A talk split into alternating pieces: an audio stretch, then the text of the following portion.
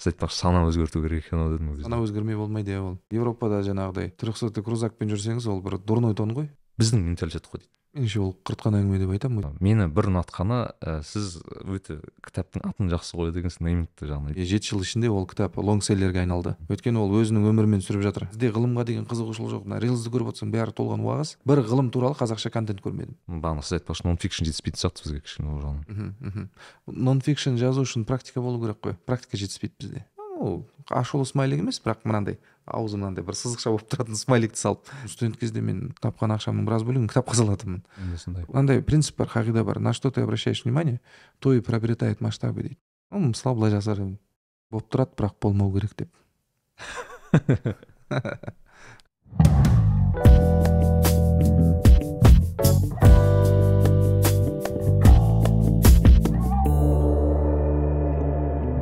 Ассалаумағалейкум достар. Бүгін сіздермен әдетте нәрікби нәрікби және нәрікби лайф подкасты. Ә, басталмас бұрын біздің подкастқа лайк басып ә, каналымызға жазылып қойыңыздар. Ал бүгін бізде ә, менің көптен бері күткен қонағым бақытжан бұхарбай ағамыз келіп отыр бақытжан аға ассалаумағалейкум қош келдіңіз. Уағалейкум көп рахмет шақырғаныңызға. Иә. Мен ә, сізді бағана оған дейін де сұрағанмын бірақ мен ә, бақытжан ағаны енді өзіме бір ерекше кісі өйткені шынымен сіздің бір жазған кітаптарыңызды оқыған адам ретінде не автор ретінде көп ә, дүниелеріңізді білемін. Бірақ сізді мен мен өзім таныстырғанда аға кім десе мен автор дер едім да. Бірінші кітаптың авторы бірақ сіз ә, ол авторлықтан бөлек ә, кітап жазудан бөлек ә, баспагерлікпен айналысасыз мен білсем. Мм форбс журналында ә, сол шығарасыз иә? Иә бас редактор қазақ ретінде. ә, полит саясаткер ә, саясаткер саяси шолу яғни саясаттанушы. саясаттанушы саясаткер дейтін ә, саясаттанушы политолог дейді бізде қазақша иә. Ыыы осының бәрін ұмытпадым ба ештеңке жоқ. Жоқ нормально мен ыыы бақытжан ағаны ойлаған кезде бірінші ә, ассоциация ол әрине кітап шын айтқанда. Өйткені мен енді бірінші айтайын сізбен қалай таныс болдым сіздің еңбегіңізбен мен ыыы күніміз кітап екі мың он жеті немесе он алтыда шықты он алтыда он алтыда шықты. Мен он бесте университет бітірген жас маман ыыы сол кезде ыыы қолыма не түскен күміс кітап түскен. Ол кезде мен бар жаңағы басқа достарымыз бар мен сол кезде бірінші рет оқығанмын кітабыңызды. И ну рас айтайын маған қатты бір әсері болды да өйткені ол кісі ол кезде маған андай бір ыыы қазақ тілінің ондай тілде контент жасай алады жалпы осындай кітапты шыға алады деген бір бір ой болмапты да. Шын айтсам өйткені оған дейін қазақ тілді кітап десем маған көбінесе сол бағанағы көркем әдебиет мхм. немесе бағанағы журналдар газеттер бірақ именно осындай бір нон фикшн немесе бағанағы бір осындай бір стори сторителлинг деп айтайын иә сторителлинг форматындағы ыыы кітаптар аздан аз еді осы сол айтқым келгені күміс кітап туралы айт бастайықшы осы ең ең ең маған ұнайтын осы кітаптардың бірі. Өйткені осыған дейін де бір кісілермен жазған кезде де мен әдетте қандай кітап ұсынасың деген кезде бір екі кісі сол күміс кітапты айтады да әлі күнге дейін. Қанша қашан? Жеті жыл бұрын ба шыққан кітап иә? Иә жеті жыл болды. Жеті жыл болды. Ііі кітап кітапқа байланысты сіз осы күміс кітапқа келетін болсақ сіз енді бірнеше жерде айттыңыз қалай ә, оған келгеніңізді. Бірақ әсері қандай болды өзіңізге? Күміс кітаптың мысалы? Болады ғой бір авторның өзі жазады бірақ қазір жеті жылдан кейін ә, қандай бір әсердесіз ол кітаптан мхм. Күміс кітап менің төртінші кітабым. Оған дейін ғылыми монографиялар болды. Бірақ ыыы көпшілік оқырманға арнап жазған алғашқы туындым деп айтса болады. Қазір енді жеті жыл өтті он алтыдан бері. Иә. және жеті жыл ішінде ол кітап лонгселлерге айналды. Өйткені ол өзінің өмірімен сүріп жатыр. То есть бір бөлек организм ретінде. Тіптен мен кейде оны есіме алмаймын. Өйткені күнделікті қазір басқа жобалар бар басқа кітаптар бар ә, басқа шаруалар бар. Тек қана бір кітапты шығарып алып соның ізінен жүрген адам емеспін ғой. Е, бірақ ол кітап өзімен өзі өмір сүріп жатыр. Жаңағы оқушыларға жолын тауып жетіп жатыр студенттерге жол салып жетіп жатыр дегендей. Сөйтіп әлі күнге дейін ол оқылып жатыр. Әлі күнге дейін кері байланыс келеді жастардан кері байланыс аламын. Осы кітап үшін рахмет дейді. Рахметін айтады алғысын айтады ризашылығын білдіреді. Сондықтан енді әсерім қалай деп айтуға болады енді. Қазір ол кітапты жазғанда да мен бір жаңағы өзіңіз айтқандай басында классика қазақ тілі десе бір классикалық әдебиет дегендей ассоциациялар болады дедіңіз. Ә, менің де қарным ашатын өйткені ә, біз енді оқитын аудиториямыз ғой. Біз орысша оқимыз ағылшынша көреміз. Кітаптың түрлі түрлі жанрда жазылып жатқанына көзіміз жетеді да. Неге біз оны жасамаймыз? Неге біз тек құр мақтана береміз иә? Біздің жаңағы ә, кең аумақты жеріміз бар бабаларымыз керемет анау мынау дегендей. Өзіміз немен мақтанамыз біздің замандас немен мақтана алады дегендей. Мықты болсақ онда осы кітапты жазып көрейік. Өйткені мына естеріңізде болса кітаптың эпиграфында да әлихан бөкейхан атамыздың сөзі тұр ғой. Алашқа енді газет шығарып мақала жазып кітап ә, жазып қызмет қылмасақ басқа жол бөгеуіл деген. Соның бәрі мәселен түрткі болды ой салды содан кейін. Нон фикшн ретінде жазайық деп. Өйткені сол он алтыншы жылы мен шығарған кезде бір зерттеу болған қолымда әлеуметтік зерттеу. Қазір цифрасы есімде жоқ бірақ сексен тоғыз пайызы ма кітап оқымайды деген дерек болды жастардың. Yeah. Иә. ол он, он адамның тоғызы кітап оқымайды десе ол сосын ойлайсың да ертең олар өсіп шығады. он жыл деген ұшып өтеді. он жылдан кейін ол қандай дәрігер болады қандай мұғалім болады қандай маман болады. Ол қазақстан деген дамыған ел ретінде елестететін болсақ ол тек қана аумақ тек қана бір бюджет тек қана мұнайдан түскен табыс емес сонымен қатар мемлекеттің дамығандығын айқындайтын ол дамыған азаматтар. Енді мен мүмкін идеалист тұрғыда қарадым ба? Бірақ егер өз контентін өзің жазбасаң өз интеллектуалды өніміңді өзің шығармасаң мақтанатын себеп аздау да шынын айтқанда. Мен оны неге айтамын өйткені мысалы шынымен сол кезде бір менің қатарымда мен енді енді бітірген ыыы бала едім ғой ол кезде екі мың он алтыншы жылы. Ә, мен бір таңғаларлық болды да өйткені шынымен ол кітап қымбат тұрмайды осы бір ә, өте қолжетімді баға болды. Бірінші екінші өте ну бір қалың қалың деп деп те айтуға болмайды. Қанша бір екі жүз бет бар ма? Жоқ па ол кітап? Ол кезде жүз қанша? жүз сексен беттей болды ғой бір екі жүз жеті жетпіс сондай бір кітап еді. Бірақ именно сол формат өтті деп ойлаймын да көбіне. Өйткені шынымен кітап үлкен емес екіншіден қолжетімді и тіл де өте бір жеңіл жазылған и кажется осы бір соғыс болған сияқты бір формула а, именно бірінші рет мен көрдім да шынымен менің қатарластарым кітап оқыды сол кезде. Мен и былай бергенге де бір сыйлыққа бергенде бір ұялмай беретіндей кітап болды да. Мен бір жігітті кездестірдім. Мен осы кітапты оқу үшін кезекте жиырма жетінші болып тұрдым деді. Сондай адамдарды оқырмандарды кездестіргенмін иә айтып отырғаныңыз рас. Біз енді мен өзім ғылым саласынан шықтым ғой. Сосын бірдеңені қолға алмас бұрын бір зерттеулер жасаймын мен. Яғни ә, біздің қолымызда жаңағы зерттеу болды өзіміз жасаған. Опрос қыласың көресің. Ә, қазіргі оқырмандар мәселен 400 беттік кітаптарды оқымайды оқығысы келмейді. Былай сұраймыз ғой сіз мысалға кітап оқитын болсаңыз ол кітаптың қалыңдығы қандай болғанын қалайсыз деп сұрасаңыз сіздерге айтады енді біреулер айтады жүз бетке дейін деп. Ол ащылық сонда біз ең көп ә, жауап берген жаңағы респонденттердің жауабына көз салатын болсақ 200 мен 200 250 бірақ оптимум сол 200 деп айтты. Онда сұранысқа ие формат сол болса 400 беттікті жазудың қандай қажеті бар? Сосын ол экономикалық тұрғыдан да ә, тиімсіз. Екі есе көп шығын болады басу құны. Yeah. Жаңағы. Сосын ол жаңа өзіңіз айтқандай сол жерде арзан бағамен тұра алмайды. Қолжетімсіз болып қалады. Сонда сен кім үшін шығарып жатрсың ол арзан болуының тағы екінші себебі мен мына тек кітапты жазып қоймай мен ойлаймын вообще мына қазіргі заман қазіргі заманауи кітап жазатын авторлар ол тек бұрынғы сарындағыдай жазушылар мінекей мен жаздым. Өздері келіп алу керек өздері іздеп табу керек. Мен тек жазушымын мен жазам деген формуладан айну керек. Өйткені мен тек жазып қоймадым мен барып дүкенге меломан дүкенінің басшылығымен кездестім. Мінекей ниет осындай. Өздеріңізге келсек те сіздерде қазір абай бар сізде әуезов бар тағы бір екі классиктің шығармасы бар. Енді қазақстанда кітаптың басым көпшілігі қазақ тілінде болмағаны дені сау адамның намысына тию керек. Сондықтан айттым міне мынандай кітап жазып жатырмын. Бұл кітаптың мақсаты қазіргі жастарды оқыту кітап оқуға шақыру әдет қалыптастыру дегендей оқырманға айналдыру дегендей. Ол кісі вадим галенко. Ол енді былай ә, көпшілікке өзін білдіртпей қазақ тілін қолдап жүрген адамдардың бірі болып шықты. Ол енді мынау көптеген ә, голливудтық киноларды қазақ тіліне аударылуға өзінің үлесін қосып жүрген адам екен. Мен оны білмеймін. Өйткені өзінің пиарын жасамайды өзін көрсетпейді дегендей. Сосын айтты жарайды қолдаймыз деді. Сөйтіп ә, олар кітапты ол кезде кітап әлі басылып шыққан жоқ. Минус наценкамен жұмыс істеді. Минус үстеме бағамен. Мәселен пайда көрмеді ма сонда жоқ олар минус көрді. Ой қолжетімді болу үшін. Сөйтіп екі жарым айда ма өтіп кетті ғой барлығы. Мен тек бір шығарып қоямын деп ойлағанмын күміс кітапты. Содан кейін жаңағы сұраныс көп болған соң мен бір жарты жыл сегіз ай өткеннен кейін тағы басып шықтым. Кішкене толықтырып кішкене жаңағы қателерін түзеп дегендей. Сол ғой сол мына жарты жыл аралықта кітап таусылып қалып еш жерден сатып алу мүмкіндігі болмаған кезде кейбір адамдар бағанағы оқырманым сияқты кезекте жиырма жетінші болып тұрдық деп айтып жатыр. Өте бір керемет. Мен өйткені ол күміс кітаптан кейін менің бір ондай бір қазіргі заман что то хайптағы болған кітапты білмеймін шын айтсам. Қазіргі қазақ тіліне келетін болсақ мүмкін сіз жазған марғұлан ағаның кітабы ондай болған шығар бірақ жақында шықты ол жақында шықты. Бірақ ол ондай жетімді емес. Енді мен жақында қарадым бағасы бір тоғыз мың теңге тоғыз мың бес жүз тоғыз мың бес жүз теңге тұрады. ол кәдімгідей енді студент балалар енді алу енді оңай деп ойлаймын. Енді ол да бар бірақ ә, нарық та бар. Өйткені біз ә, ол ол кітапты өзіміз қаржыландырдық. То есть мына кейбір адамдар ойлауы мүмкін марғұлан аға қаржыландырып жатыр деп. Ол кітапты түгел өзіміз қаржыландырдық. Және былтырдан бері мәселен ол объективті сандар ғой бәрі.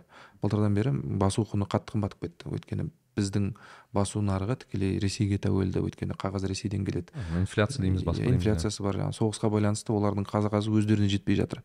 Қағаз екі есе қымбаттап кетті. Объективті нәрселер да барлығы. Содан біз көтеруге мәжбүрміз.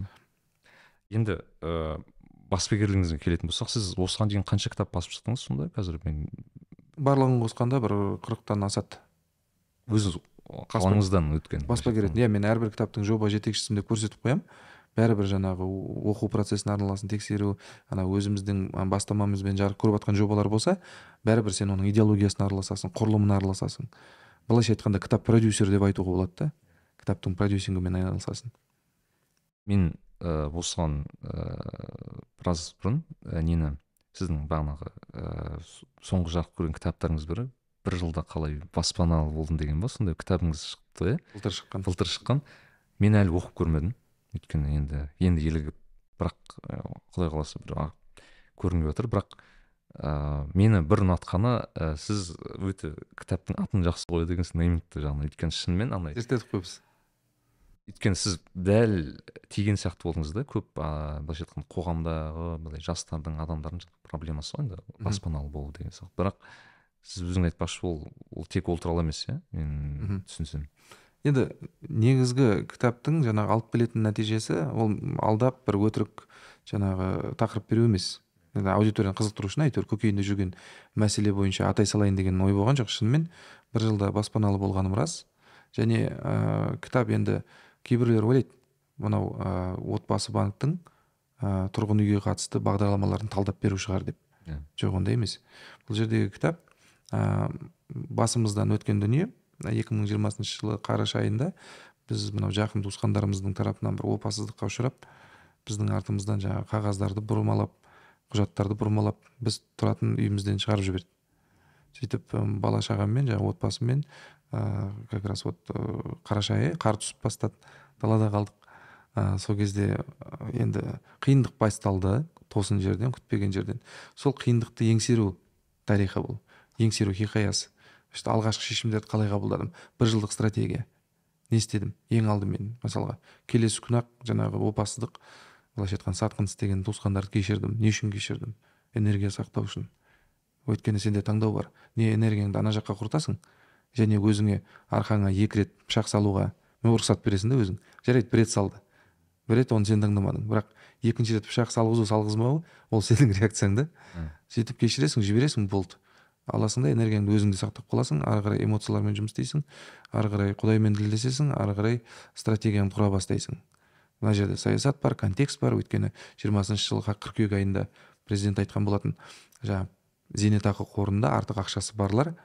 Ә, сол артық ақшасын алатын болады деп. Әрине ол алғанды біздің халық білім алуға білімін шың, шыңдауға жібермейді жұмсамайды. Алады да жаңағы тұрғын үйге баспанаға. Сонда барлық зейнетақы қорында жаңағы жинағы бар адамдардың тек алты ақ пайызында ғана артық ақша болды. Бірақ үйлердің барлығы барлығы үшін қымбаттады жиырма бірінші жылдың қаңтарынан бастап. Мен де ойладым қазір менде екі айдай бар бір жарым айдай. Бір жарым айдың ішінде ақша жоқ қарызға алып тездес ана қазіргі бағамен алып алып үлгерейін деп. Онымен кім бере қояды үлкен сома қарызды? Сондай алғашқы стратегиясын жасадық. Онымен жаңағы үлкен стресске шалдығып ол ә, жоспарымыз жүзеге аспады. Коронавирус дертіне шалдығып өліп қала жаздадық. Екі күн ауырып пневмония болып. Сөйтіп жүргенде қаңтар болды. Үйлер қымбаттап кетті. Қымбаттап кеткен соң басқа стратегия жазасың. Үй таңдауда қиындықтарды қалай еңсеру не үшін еңсеру керек қалай еңсеру керек қалай жоспарлау керек. Мысалға семьямызбен отбасымызбен қалай келістік? Мысалға айтасың ә, бес жылдан кейінгі кірейік па асықпай немесе бір жылдан кейін ба? Мысалға жолдасыңмен ақылдасасың. Жолдасым енді ондай сұрақ қойған соң әрине адам айтады бір жылда дейді ғой. Онда айтасың бір жылдың өзінің тәуекелдері болады. Өйткені сен он адамның жұмысын істейсің. Мысалы алты сағат емес үш төрт сағат қана ұйықтайсың. Демек сен қаттырақ күйзелесің. Демек сен қаттырақ қалпыңа келе алмай қаласың. Сөйтіп күйзеліп жүрген кезде мысалға артық сөз көтеру проблемаға айналады. Мысалға. Ұрсу ұрсу рисктер ұрсу ықтималы артады. То есть енді бір жылда үй табамыз деп ажырасып кетпеу керек қой. Мақсат. Соның бәрін сөйлесесің бәрін ақылдасасың балдарыңа түсіндіресің. Мысалға шешеңмен тіптен ұрыс болып қалған кезде қалай қабылдау керек? Жаңағы балдарың бәрі жақсы түсінеді. Мінекей бес жыл ма немесе бір жыл ма сенің бөлмең мәселен. Бөлмеңнің ішінде мынандай визуализация. Жаңағыдай ыыы обойы мынандай болса ілініп тұрған ойыншығы мынандай болса. Қанша уақыт алғың келеді ондайды? Бір, бір бөлмені. Бір жылда ма? Үш бес жылда ма? Әрине бір жылда дейді. Онда мынандай нәрселер болуы мүмкін. Мен ана балдарыма барлығын қағаз алып ручкамен түсіндіремін. Визуализация жасап инфографика сияқты. Балдар өте жақсы қабылдайды ақпаратты. Жаңағы ашулы смайлик саласың бір жыл болса. Ал мына уақыт сағат сызасың аз ұйықтайтынды көрсетесің сағатпен. Немесе бес жыл ашулы смайлик емес бірақ мынандай аузы мынандай бір сызықша болып тұратын смайликті салып әрине бәрін түсінеміз дейді бір жыл дейді бәрін. Онда мынау болады онда дұрыс қабылда деп. Бұл жерде мақсат мысалға жолдасымен ажырасып кетпеу және балдарыңа психотравма салып бермеу. Осындайлардың бәрі қамтылған ана кішкентай кітапта. Бір жылда мына практикада. Менің білуімше қазақстанның баспа нарығында ондай нон фикшн кітап шыққан жоқ. Таза бір жылдық практиканы қамтитын. Бұл бұл жерде тек тақырыбы өзекті баспана тақырыбы болғанмен қиындықты еңсеру ол кез келген салада бола беретін процесс қой. Ол жұмыста болады ол отбасылық проблема ол тағы бір проблема. Сондықтан қиындықты еңсерудің жолдарын көрсеттік қалай қуатын үнемдеу керек дегендей. Бірақ ол кітап жарнамасы жасалмағандықтан күміс кітаптай қатты таныла қойған жоқ. Өйткені ол кітапты жазу мүлде жоспарда да болмады. Өйткені қай кезде жаздым? 22 екінші жылы қаңтарда жаздым. Мінекей ә, қараша айында бізді жиырмасыншы жылы үйден шығарды. Қараша айының соңында бір жылдан кейін мен үйге кіргіздім нөлден. Сосын енді мінекей желтоқсанның басында рәсімдеп бастадық. Сосын ә, жарайды қаңтар айында жаңағы жалғастырамыз деп задаток беріп нетіп онымен қаңтар оқиғасы басталып кетті. Жиырма екінші жылы. Иә. Yeah. сол қаңтар оқиғасы кезінде интернет болмады үйде ол кезде телевизор жоқ еді. Мен қаңтар оқиғасынан кейін қайтадан телевизор сатып алдым. Өйткені хабарламаның бәрі телевизор арқылы жүрді теледидар, теледидар арқылы. Сол екі апта болған кезде үйдегі бір екі кітапты оқыдым. Сосын жарайды осыны жазайын деп уақыт бар. Сол кезде жазылды да бұл. Жалпы ыыы бұл біздің ғана біздің халықтың қазақ халқының несі ма? Феномені ма? Именно мен өйткені қазір сұраймын. Ә, мен, мен жеке енді айтайын менің жеке дейтін ондай үйім жоқ. Шынымен енді сатып алған үйім жоқ. Бірақ мен оны бір білмеймін енді бір проблема көрмеймін да өйткені мен шын айтсам философиям қалай айтсам екен үй инвестиция емес мен үшін. Инвестиция ол басқа зат. Ол ақшасын құнын жоғалтатын зат деп есептеймін да сондықтан мен ол ақшаны басқа жаққа қаржыған құйғанды қалаймын өзім шын айтсам. Бірақ ә, мен өз қатарымда балалармен сөйлескен кезде әрқашан сол үй ең басты проблема көбінесе. Үй бағанағы үйді мен қажеттілік деп айтушы едім баспананы өйткені сенің бала шағаң болса ол бәрібір көшіп қонып жүргеннен ертең сен бір жерге барып басыңды сұғасың. Ол ә, мәселен жаңағы ә, пәтерді жалға беруші егесі ертең ресейден релаканттар келгенде олар көбірек төлейді деп сені шығарып жіберу. Қаупін болдырмау үшін бәрібір де бала шағаң ештеңе алаңдамай уайымдамай өссін десең онда үйдің болғаны әрине жақсы. Сол тұрғыдан болмаса әрине мен де инвестиция ретінде қарастырмаймын. Біздің буынымыз бізден кейінгі буын ол енді бәрібір материалдық дүниелерге басқаша қарайтын буын ғой. Иә. Бірақ егер практикалық тұрғыдан қарайтын болсақ иә өзіңнің жеке баспанаң болғаны бәрібір жетпейді деп ойлаймын мен. Бір жерде жалға тұрғанша. Бізде енді өзің білесің ғой европада бәлкім жаңағы контрактпен тұрасың ол жерде. Бәлкім лақтыру жоқ өйткені заңмен қорғалған басқа нәрсе бар. Ә, мүмкін ол жағынан қараймын ғой мен әрине. Иә а бізде ондай жоқ. Біздің талай студенттерді былтыр пәтерлерінен шығарып жіберді. Талай қазақтарды шығарып жіберді жаңағы фейсбук неде оқып отырмыз да. Сондықтан қорғалмаған ешкім көпшілік ә, келісім шартқа тұрып жалға алмайды. Ауызба ауыз жаңағы сөзбе сөз әйтеуір келісіп ақшасын сөйтіп аймай төлеп сөйтіп тұрады дегендей. Әрине. Енді кітапқа байланысты ше? Мысалы мен есімде сіз ә, мен осы әсіресе данияр жігітбек досыммен сөйлескен кезде кітап туралы сөйлескен кезде әрқашан ыыы айтады мынандай зат айтады да мен бақытжан аға сияқты көп кітап оқымаймын дейді да. Әрқашан айтатын сондай бір формулировкасы бар. Сіз шынымен мен мен естуім бар сіз аз кітап оқымайсыз. Баспагерлер баспагер болғалы аз оқимын. Жоқ жалпы мысалы сіздің стандартты мысалы қанша уақыт бір, бір айда қанша кітап оқисыз? мен қазір көп кітап оқитын адамдардың қатарында емеспін. Мен кітап шығарғалы бері бір кітаптың өзін мысалы он қайтара оқисың қолжазбаны. Тәуір кітап шықсын деп. Сондықтан мәтінге әбден тоясың мәтіннен әбден шаршайсың мезі қылады. Ал енді кітап оқыған кітаптардың басым көпшілігін мен бала кезде оқып тастағанмын студенттік шақта оқып тастағанмын сосын ары қарай қазір қажеттілігіме байланысты оқимын. Мысалға бір жерде білімім келіңкіремей тұрса сол нақты не керек екенін білемін. Сол кітапты сатып аламын соны оқимын. Мм. Былай қолға түскен кітапты қазір оқи беретін жаста емеспін мен жағдайым да келмейді оған. Иә. Бірақ ыыы бағанағы айтпақшы да мысалы кішігірім кітаптар туралы болсын. Мен мысалы балаларға айтамын осы осы жаңа даниярға болсын бағана кітап жазып жүрген жігіттер айтып болса да айтамын да қазір қалың кітаптар жазбаңдаршы деймін да. Біріншіден ол бағана сіз айтпақшы қиын шығаруға екіншіден ыыы болады ғой. Мысалы мен американдық кітаптарды көп оқимын да. Сол кезде бір білмеймін тіпті енді абсурд шығар бірақ мұрынмен демалудың артықшылықтары деген кітаптар сондай шығады да ол жерде. Басын күлкілі да былай қарасаң қандай кітап ол деген бірақ бір сұрақ бар бір жауап бар деген сияқты да. То есть неге ұйықтау керек деген сияқты бар ғой. Why we sleep деген кітап бар мысалы. Өте ыыы танымал кітап қазіргі таңда. Бірақ былай қарасаң бір ақ сұрақ та. И реально былай оқып шықсаң шынымен не үшін ұйықтау керек екенін бір былай қарасаң сен қазір чат ға сұрасаң да жауап беретін бір дүние ғой. Бірақ кітап ретінде әдемі шыққан да. Сондай бір бағана сіз айтпақшы нон фикшн жетіспейтін сияқты бізге кішкене ол жағынан нон фикшн жазу үшін практика болу керек қой. Практика жетіспейді бізде. Біздегі практика енді қазір қазақтың қазіргі көбінесе болмысын алатын болсақ енді жаңағы біріншіден көпшілігі жоқшылық көріп жүр. Мойнында несие арқалап жүр. Екіншіден ә, былай енді ә, жоқшылықта жүрсе де көретін күнделікті жаңағы жұмыс сосын той бір біріне бару қонақтап жүру. Меніңше ол тақырып онша бір қатты оқылмауы да мүмкін көріп жүрген нәрсе. Yeah. Иә. мынандай ә, не жоқ та былайша айтқанда тәжірибеден тұратын шведский стол жоқ. Однотипный да практикалар? Иә. Yeah. бірдеңені көріп тырысып зерттеп біліп а мынау мынандай екен деп. Бір жылдың ішінде бір салаға барып басымен сүңгіп қазбалап жаңағы бүге шүгесіне дейін зерттеп ары қарай бірдеңе жазсаң бәлкім қызық болар. Ну жазу керек оны. Мысалға тақырыптар бар. Біз қарыс қазақ деген кітап жаздық yeah, иә, дайындадық. yeah. Иә. қарыс қазақ деген кітап ол мынау как раз кредит қарызға көміліп қалған адамдарға арналған. Біздің әлеуметтік нысандағы жобамызда өйткені тек меломанда мәселен дүкендерде сатылымда бар деп айтуға болмайды. Онымен қатар мешіттерге де таратып жатырмыз. Мешіттерге де. Ол, ол кітаптың аудиториясы меломанға бармауы мүмкін. Ол қарызға батып жүрген. Ол мешітке баруы мүмкін. Біз мешіттермен мәселен келісіп қарызы бар адам жалпы кітап емес басқа жайлы ойлайтын шығар мүмкін деген сияқты вообще қарыз деген ең үлкен минусы ол мысалы біз ойлаймыз ғой неге біздің қоғам дамымай жатыр деп. Оның себептері көп. Мысалы мен бұл жерде саяси басқа жаңағы себептерін қарастырмай ақ қояйын. Қоғамды дамыту үшін қоғамды дамытатын жақсы игі амалдар әрекеттер көбірек болу керек адам тарапынан азаматтар тарапынан. Әрбір игі бастама әргі, әрбір игі әрекет ол көбірек қуат жұмсауды күш жұмсауды қажет етеді. Енді сенде өзің қарызға батып жүрсең ол қарыз мәселесі сенің қуатыңды күнде жеп тұрса сен не тұрсың? Қоғамға беретін қуатың жоқ.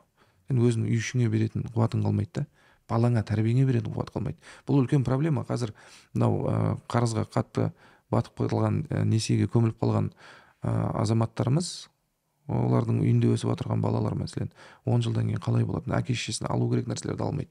Өйткені тіптен тәрбиеге қуаты жетпейді. Өйткені қарыз жабу мәселесімен басы қатып жүр.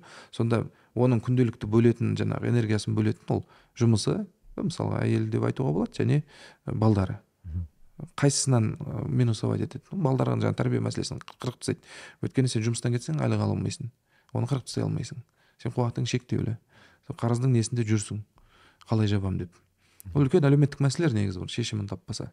Сондықтан ә, негізі оқиды қарапайым тілмен жазамыз тіпті. Мына күзетші оқыса да мысалы жоғары білімі жоқ мектепті бітірмеген күзетшілікте жүрген адамдардың өзі ашып қараса оқып түсінетіндей әдеттер жайында қарыздан сақтайтын немесе қарызға кіріп кеткен жағдайда одан қалай құтылуға болады міне осы тұрғыда кітап дайындады. Ол да жаңағы нон фикшн деп айтуға болады. Иә. Ол төрт рет басылды екі жылда. Осыған байланысты бір өте бір қызық тақырыптың қазір басын бастап бердіңіз негізі қарызсыз қазақ деген өте ютуб тіпті арнаңыз да солай аталады иә соны естідім байқадым. Иә қарыз қазақ деп тұрады бақытжан бұқарбай уикли. Не ыыы бірінші сұрақтан бастайықшы. Қарызға неге адам неге адам неге қарыз алады сол сұраққа жауап бере алдыңыз өзіңізге. Мысалы адам жалпы ну түсінікті ғой мысалы қарыз неге алады өйткені бір қажеттіліктер бірақ именно мысалы ақша қажет болса сен бірнеше вариант бар ғой негізі былай қарасаң. Бірінші мәселе ол зат саған керек па деген сұрақтан басталады да мысалы. Айтайық. Мен салайын деп отырсың керек па керек емес па мынау кезіндегі ана брайан трейси бағанағы кісілердің американдық бағанағы авторлардың жазатын айтатын бір сөз бар ғой. Алатын болсаң типа бірнеше күн күт деген сияқты мысалы. Аласың ба? Ертең оның арғы күні қайтадан алғың келсе значит саған ну шын мәнінде алу керек екен. Екінші мәселе жаңасын алу керек па деген сұрақ болады. Ну мысалы зат болатын болса жаңасын алу керек па саған? Дәл осы бағасын дәл осы там нұсқасын тағы басқа моделін мүмкін арзанырағын алуға болады. Өзінің бюджетін есепте. Тағы басқа былайша айтқанда нелер көп та? Ыыы бір варианттар көп та қалай нұсқалар көп? Былайша айтқанда қай, қай жолмен сен оны аласың деген сияқты. Бірақ ыыы бұл бір ойлануды бір аналитиканы талап етеді ғой шынымен сен ойланып кәдімгі өз өзіңе сұрақ қойып дегендей. Бірақ маған десең қарызға алу ол ең бір былайша айтқанда оңай бір іс сияқты көрінеді да осы ішінен ішінен. Былайша айтқанда бүкіл варианттың ішінен бұл бір ана не сияқты? Ойында чит код сияқты да бүйтіп басасың.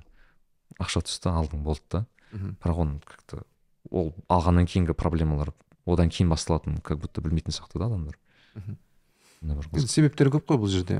Қаржылық сауаттылықтың төмен болуы жалпы сауаттылықтың төмен болуы. Сосын ыыы мынау менталитеттегі мәселелер. Енді қалай деп айтса болады. Бізде алып жатқан несиенің көбісі тұтынушылық несиелер ғой. Мәселен бағана айтып өткендей ыыы бір шетелге барып оқып келсем соған несие ала тұрсам кейін қайтады ау деп. Меніңше ондай жоқ. Өйткені баяғыда а, президент есіңізде болса бағана айтып өттім ғой екі мың жиырмасыншы жылы қыркүйекте мінекей артылған ақшаны алып жаңағы зейнетақы қорында жиналған шотыңда жиналған. Сен оны не баспанаға жұмсай аласың не денсаулығыңа жұмсай аласың не болмаса біліміңе деп айтты. Иә. Президент солай айтқан. Бірақ кейін ана бір жыл өткеннен кейін қарадық білімге жұмсаған ноль ғой деймін. Ең көбінесе жаңағы жұмсағаны баспана мәселесі денсаулығы жаңағы тісін емдеп алды біреулер басқасын емдеп алды білімге жұмсағандар аз. То есть бұл жерде менталдық деп отырғаным осы да. Ол өзіңнің білмей қойған инвестиция ол ұзақ мерзімде бәрібір қайтып келеді саған. Бірақ бәлкім жаңағы қазіргі сәтте бөлінетін эндорфиндерге тәуелділік па білмеймін қалай айтуға болатынын. Өйткені өзіміз де студент болдық бірақ ә, біз көрпеңе қарай көсіл деген ұстаныммен жүрдік. Мен мысалы студент кезде қымбат не ұстаған емеспін телефон. Қымбат телефон. Мысалға біріншіден ақшам жетті екіншіден қажеттілік болғанда ғана аламын да оны не істеймін мен? Өйткені жаңағы стив джобс айтқандай үш жүз бен үш мың доллардың отыз доллармен жаңағы үш мың доллардың сағаты бір уақытты көрсетеді дегендей. Байланыс бар ма? Интернетке шыға аласың ба? Болды. Қазір мысалға ұстай аламыз өйткені мен оны кредитке алып жатқан жоқпын. Және маған қажет. Әдемі видео саламын сапарлаймын өйтемін бүйтемін. Жұмысыма да керек баспа керек көрсеткім керек дегендей. Сондай нәрселер бар менталдық. Сосын сауаттылықтың төмен қаржылай сауаттылықтың төмендеуі. Біз осы ана асхат нұрмашев деген досымызбен бір нені аралағанбыз. Қарыз қазақ деп кітап шығарып. Ол да жаңағы қайырымдылық қоры аясында көмектеседі ғой асырме иә сөйтіп отбасыларға барған кезде таң қалдым да мінекей көп балалы отбасылар сонда көріп адамдар тіптен оны біз енді айтамыз ғой қарыз ең оңай жолы ең бәлкім тиімсіз жолы дегендей да ұзақ мерзімді перспективада қарайтын болсақ. Бірақ ол адамдар оны норма ретінде қабылдап кеткен. Өйткені есімде бар әлі. Бір әйел мінекей менің бір балам көп баласы бар 18 сегізге толғанын күтіп жүр өйткені ары қарай жаңағы кредит өзіне рәсімдей алады дейді. Сондай да то есть баланың көргені бала бала соны күтіп тұр ма? Или ата анасы ма? Жоқ бала күтіп тұр. Өйткені бала үшін норма. Өйткені балаға әке шешесінің істеген моделі норма көрінеді.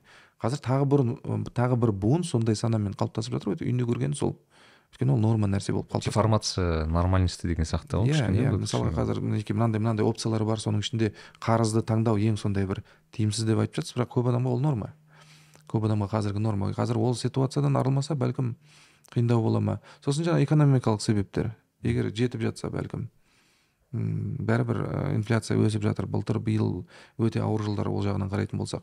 Ә, индексация болып жатқан жоқ ол жағынан табыс төмен.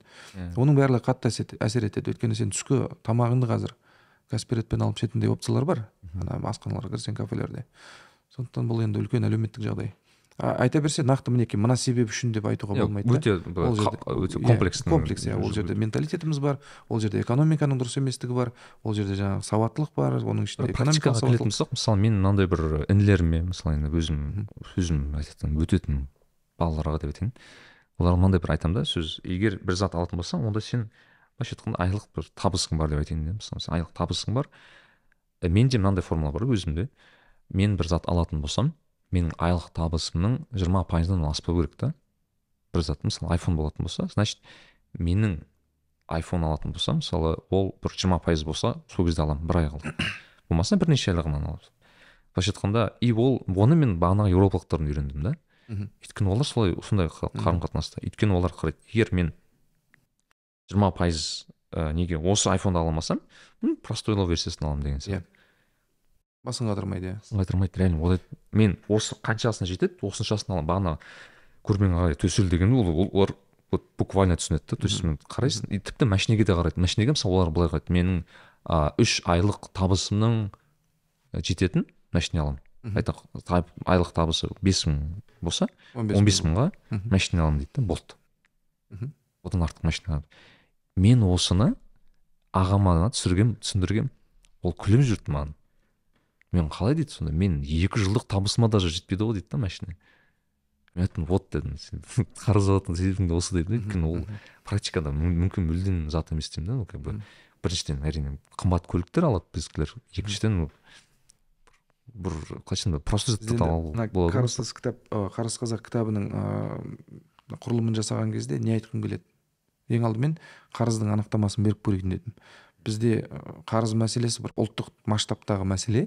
Бірақ анықтамасы жоқ. Мхм. Сонда анықтамасын былай бердім. Ә, қарыз дегеніміз бұрыс әдеттерге негізделген бұрыс ұйымдастырылған бұрыс әрекеттердің теріс нәтижесі.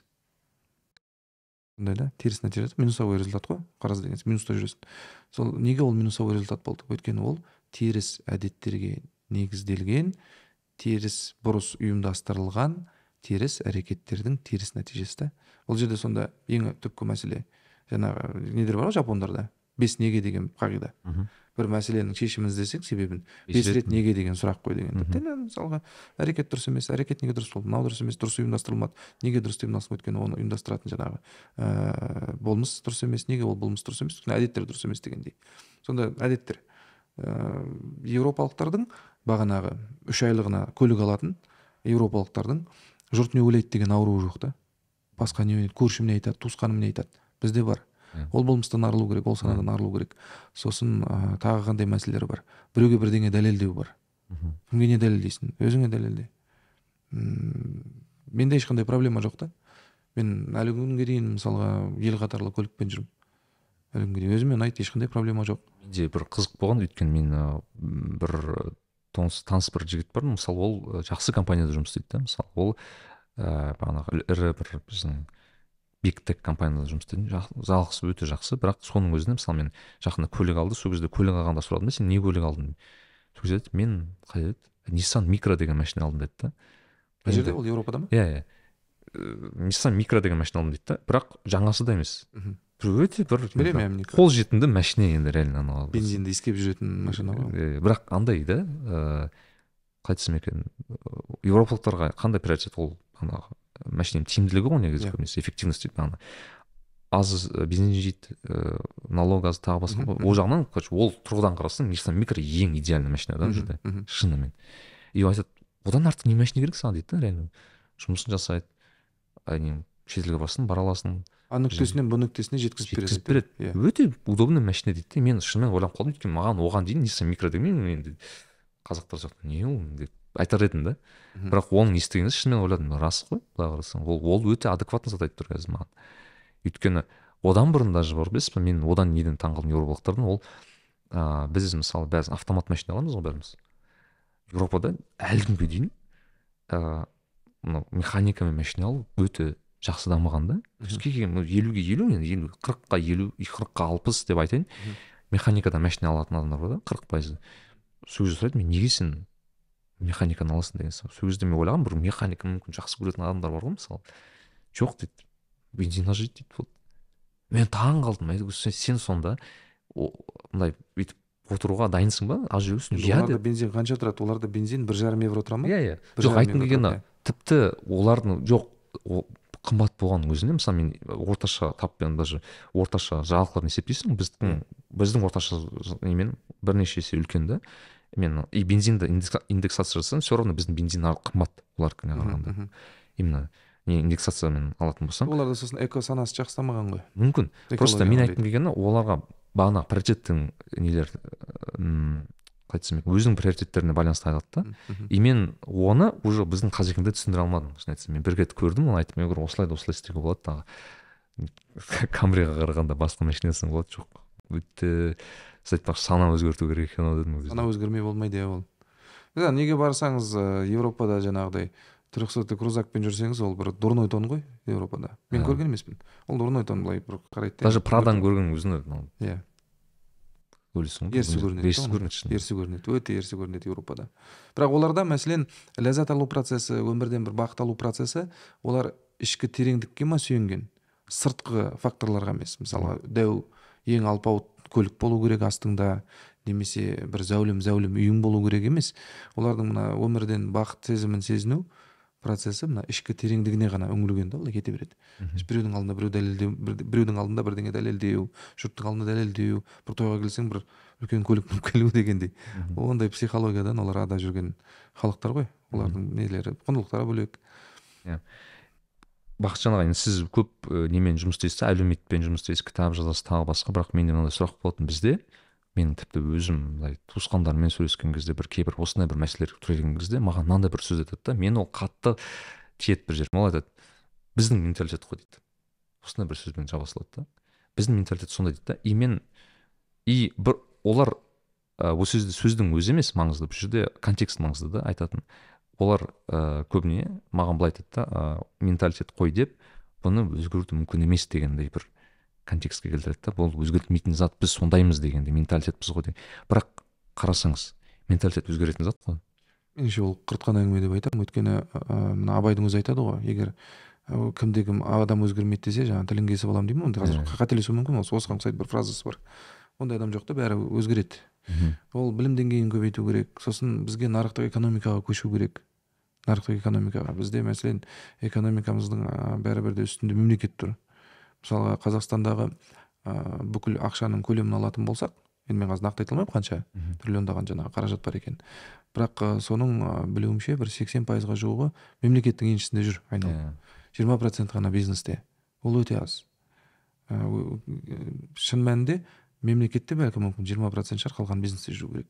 Сонда дамыған болады сонда конкуренция болады сонда ашықтық болады сонда менталитет туралы әңгіме болмайды. Иә. өйткені басқа қалалар озып бара жатқанда менің менталитетім сондай деп отыра алмайсың да. Ал енді барлығы сен қазір әйтеуір бір айлығыңды аласың немесе бір мемлекетке байланып әйтеуір біреуге жағымпазданып арыңнан аттап оның жаңағы тендерін алдың сөйтіп шалқып жүрсің сенің әрине басың қатпайды өзгеріс жасауға өзіңе менталитетің өзгеруге. Бәлкім сондай адамдар айтатын сияқты «Е, басында қатырмайды не ол жаңағы причина следственный анализ жоқ неге бұлай болып жатқанын әйтеуір осы күнім тұра берсе болды. Әйтеуір осы мынай бір тендерге жабысып бірдеңені еміп отырғаным жалғаса берсе болды деген бір сана болуы мүмкін. Ондай адамдар енді әрине нарықтық экономиканың орнап азаматтық институттардың қалыптасқанына мүдделі болмайды. Өйткені оған білім керек. Не істейді ол жаның қинап мына жерде дайын ақша түсіп маған тұрғанда. менталитетті өзгертуге байланысты ең жарқын мысал украиндар болды. Соңғы айтайық үш жылда деп айтайын. Өйткені мен он тоғызыншы жылғы украиндарды білемін. Жиырмасыншы жылғы украиндарды жиырма бір және жиырма екінші жылғы украиндарды білемін. Менталды түрде өте өзгерген халық та. Мен айттым внешний фактор болсын ішкі фактор болсын сыртқы фактор болсын менталитет лайық өзгеруі мүмкін деймін да шын айтқанда. И ә, ол біздің қолымыздан келе- келетін затты ақ деп айтамын да енді шынымен өзгере алатын бірақ әрине әркім өз тұрғыдан өзгерте алады бірақ ыыы қатып қалған зат жоқ қой шын айтқанда. Расымен айтқанда қатып қалған ештеңке жоқ. Мен тіпті қазір қазір европа деп жатырмыз мысалы. Ыыы тарихты зерттеп қарасақ ыыы швейцария мемлекеті бар ғой. М қазіргі мындай швейцария деген бір сондай бір күшті мемлекет бар ғой мысалы бір жүз жыл жүз жүз елу жыл бұрын болсаң швейцария деген бір ең андай мемлекеттердің бірі болған да. Ыыы бір наемный жұмыстар болса швейцарлықтар қолдайтын стройкада болса швейцарлар алатын деген сияқты да яғни. Оларға қазір айтсам ол күлкілі шын айтсам. Бірақ ол олардың сол кездегі менталды ә, несі? Установкалар сондай болған.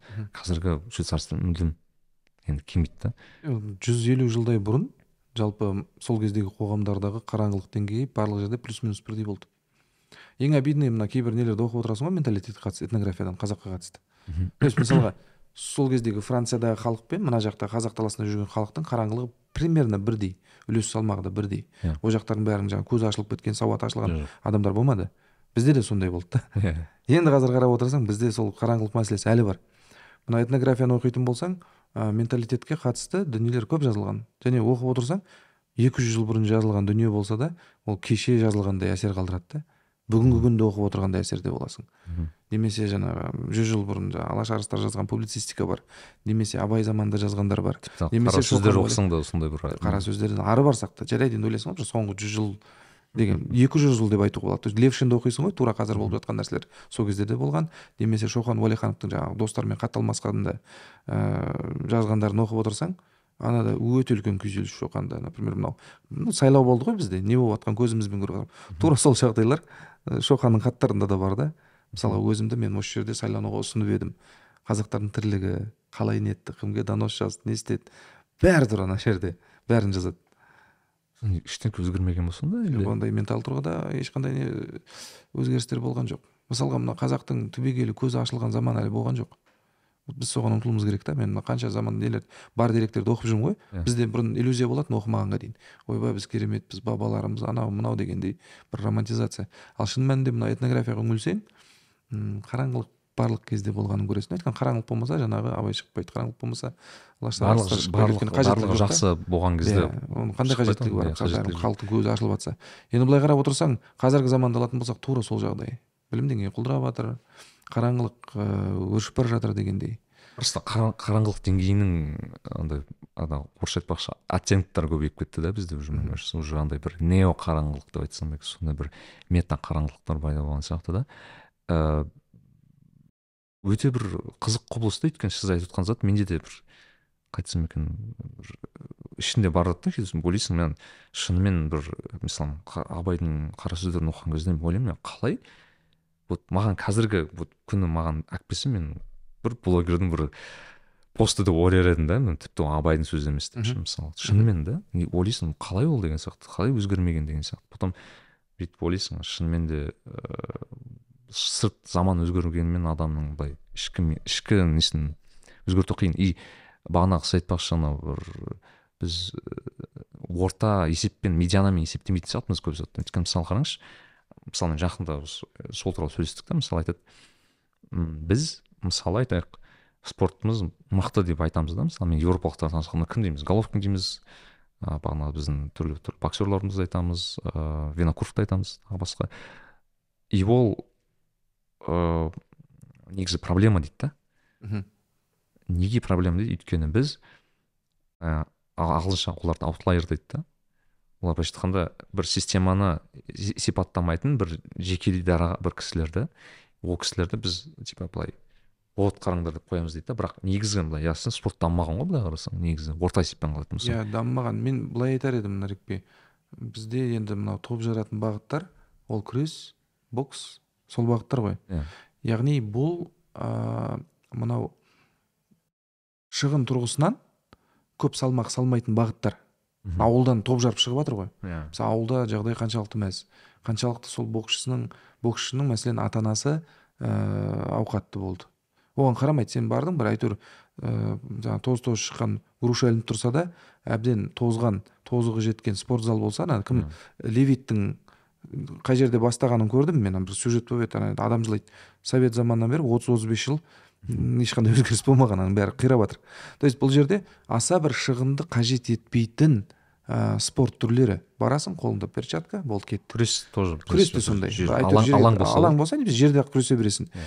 бұған мысалға бізде топ жарған кезде бәрі ә, мынау қатты қуанып қатты нетіп жатады ғой мына біздің спортымыз деп кәдімгідей эндорфиндер бөліп. Шын мәнінде былай анализдеп қарайтын болсаң ә, бұл ойландыру керек жағдай да. Неге бізде ә, шығын қажет ететін спорттар дамымаған? Қазір мен ойлап отырмын мысалы өйткені иә. бізде экономикалық жағдай өте төмен. То есть мына мысалы бокс пен күрестен топ жарып жатқанымыз біздің экономикалық жағдайымыздың төмендігін көрсетеді және біз кедей халық екенімізді көрсетеді да экономикалық тұрғыдан. Иә. және оның ішінде де жүйелі түрде жаңағы боксты ұйымдастырса бір сәрі жаңағы өзіңіз айтқандай атып атып шыққан дарындар. Жаңағы головкиннің болсын басқасы болсын. Ә, қазір анау UFC-де төреші шыққан жаңағы шавкат. Рахманов жаңағы олар самородоктар ғой былайша айтқанда. Бір жүйе жоқ та жүйе беріп жатса жарайды бір айтатын жүйелі қойылған нәрсе деп. Бұл сондайдың арқасында ғана болып жатқан нәрсе. Қазір қазір ойладым мысалы күрес не и не ғой? Тяжело ана, ауыр мен атлетика. оны сызып тастаушы едім. Өйткені ол бәрібір ана допинг бәрібір немен енді алған тіпті даже ауыр атлетиканың өзі де бір ну мен ондай не емес қой енді. Иә ол да енді бір не темір болса көтере ол бересің. хоккей емес ал енді былайша айтқанда. денис тенді алайық. Мен ойлаймын да мысалға денис тен бір топ жарды иә. енді келесі денис тен қашан шығады? Оның әке шешесі болмағанда жаңағыдай бүкіл барын баласына кішкентай жасынан бастап жылдап салып ақш болса ақшқа апарып шетел болса басқа елдер болса Иә. сол жаққа апарып шығындалып аяққа тұрғызып мінекей ә, чемпион деңгейіне жеткізді деймін да. Ол енді исключение из правил да. Ол мысалға жаңа қаражат салуды қажет ететін бағыттар. Егер де ә, нені қарайтын болсақ американы алайық басқасын алайық қаншама спорт түрлері бар иә аналар көшбасшы болып саналатын. Яғни бұл экономиканың да көрсеткіші да. Иә. экономиканың. Сондықтан бұл керісінше ойландыру керек. Мен баяғыда бір пост жазып едім. Біздің боксшылар чемпион атанып келгенде мен қуанбайтын болдым деп. Бәрі қуанып жатады ғой мен қуанбаймын да өйткені несіне қуанасың? Бізде қазақ айтады білекті бірді жығады білімді мыңды жығады дейді. Мінекей ә, бір боксшы жеңді келеді де оны әуежайдан күтіп алады ақшасын береді үйін береді көлік отырғызады. Барады да бір бала математикадан алтын медаль алып келеді. Бір адам күтіп алмайды. Сонда бізде неге білімге деген қызығушылық жоқ? Мақалдың өзі айтып тұр ғой білекті бірді жығады деп. Әрине әрбір спортшының әрбір күресші палуанның әрбір боксшының өзінің еңбегі бар. Оның еңбегін жоққа шығаруға болмайды. Бірақ бізде жалғыз әлеуметтік лифт сол ғана болып жатқаны ол көңілді қынжылтады ол ойландыру керек ол дұрыс емес нәрсе. Басқа да лифттер болу керек басқа да жаңағы рол моделдар болу керек адамдарға. Енді бізде ғылымға деген қызығушылық жоқ. Мына рилсті көріп отырсаң бәрі толған уағыз. Мен осы бір жылдай болды рилсті былай күніне бір бес минуттай қараймын. Бір ғылым туралы қазақша контент көрмедім. Мінекей мынандай жаңалық болды. Немесе марста марсоход отырыпты да ауа жоқ жерде 30 секунд мынандай жаңағы вертолет сияқты бірдеңені ұшырыпты дронды. Қалай ұшырды ғылыми тұрғыдан керек қызық нәрсе ғой. Сондай видеолар жоқ. Тіпті ойла деген журналдың жабылу жабылуының өзі Иә. бір немесе рилсда сол уағыз немесе біреудің тұмсығын бұзып жатқан UFC жекпе жектері ол енді алаңдатады да ертең бізде он жылдан кейін бәрі уағызшымен жаңағы ә, нелер болады? UFC болады да. Сол кезде. Ол, ол да жаман емес та бірақ әр нәрседе бір баланс болу керек қой. Иә, мына жақта ғылым қайда қалады технология қайда қалады біз қалай дамыған ел боламыз деген. Иә. біздің кітапты шығарып жүргеніміз осы білімге өмірімізді арнап жүргеніміз осының бір несі да осындай ой толғамдардың нәтижесі. Вау. Мен қазір спортқа байланысты қызық ыыы ой келіп отыр. Өйткені ә, нидерланды мен тұрып жатқан нидерланд мемлекетінің ең басты спорты білесіз ба не? Нидерланд па? Иә. А не ма? Қайықта жүзу ма? Жоқ. Ең басты спорты ыыы конькобежный спорт екен иә ол енді кәдімгідей инвестицияны қажет ететін нәрсе өте қымбат Өте қымбат, өте вложение былайша айтқанда қатты талап ететін сондай бір спорт. Номер бір екен да ол өйткені олимпиадаларға қарасаң алғашқы үш орынды солар алады да өйткені олар мемлекеттік прям уровеньде прям тіпті біздің олардың айтайық бір UFC-да бір чемпион болса да ол анау олимпиададан өткен адамның деңгейіне жетпейді да оларда сондай менталитет қалыптасқан. И шынымен қарасаң қазір сіз айтпақшы мен қазір ойлана бастадым да шынымен былай қарасаң коньки ә, немесе хоккей деген бір өте- көрсеткішінің өте бір қиын спорт түрлері ғой мысалы былай қарасаң сосын алаң ұстауың бар нең бар дайындауың бар деген. Бізде мынау бір неге бергім келді мынау фехтование деген бар ғой қазақтың қанында бар ғой бәрібір қылыш тасу фехтование жаңағы қылыш болмаса да қылышқа жақын сондай Иә, бір иә, не. Ә, алматыда бір жерде ғана бар енді ана жерде жүргізіп жатқан бір орыс па жігіт ә, энтузиаст өзі неткен анау экипировка әйтеуір балдар айналыссын деп отызға келмеген бір жігіт. Әбден тозып кеткен ана киімдерін алған нетіп алған то есть қымбат нәрселер да оған бармайды. Жүргізбейді да. Мысалға енді жаңағы бокспен десең әрбір подвалда бар әрбір подвалда күрес бар. Өйткені көп ә, қаражат салуды қажет етпейді айына бір он он бес мың теңге төлейсің болды айналыса береді. Ал сен фехтованияға берейін десең киімін аласың ана несі маскасын аласың басына киетін дулығасын жаңағы семчерін аласың.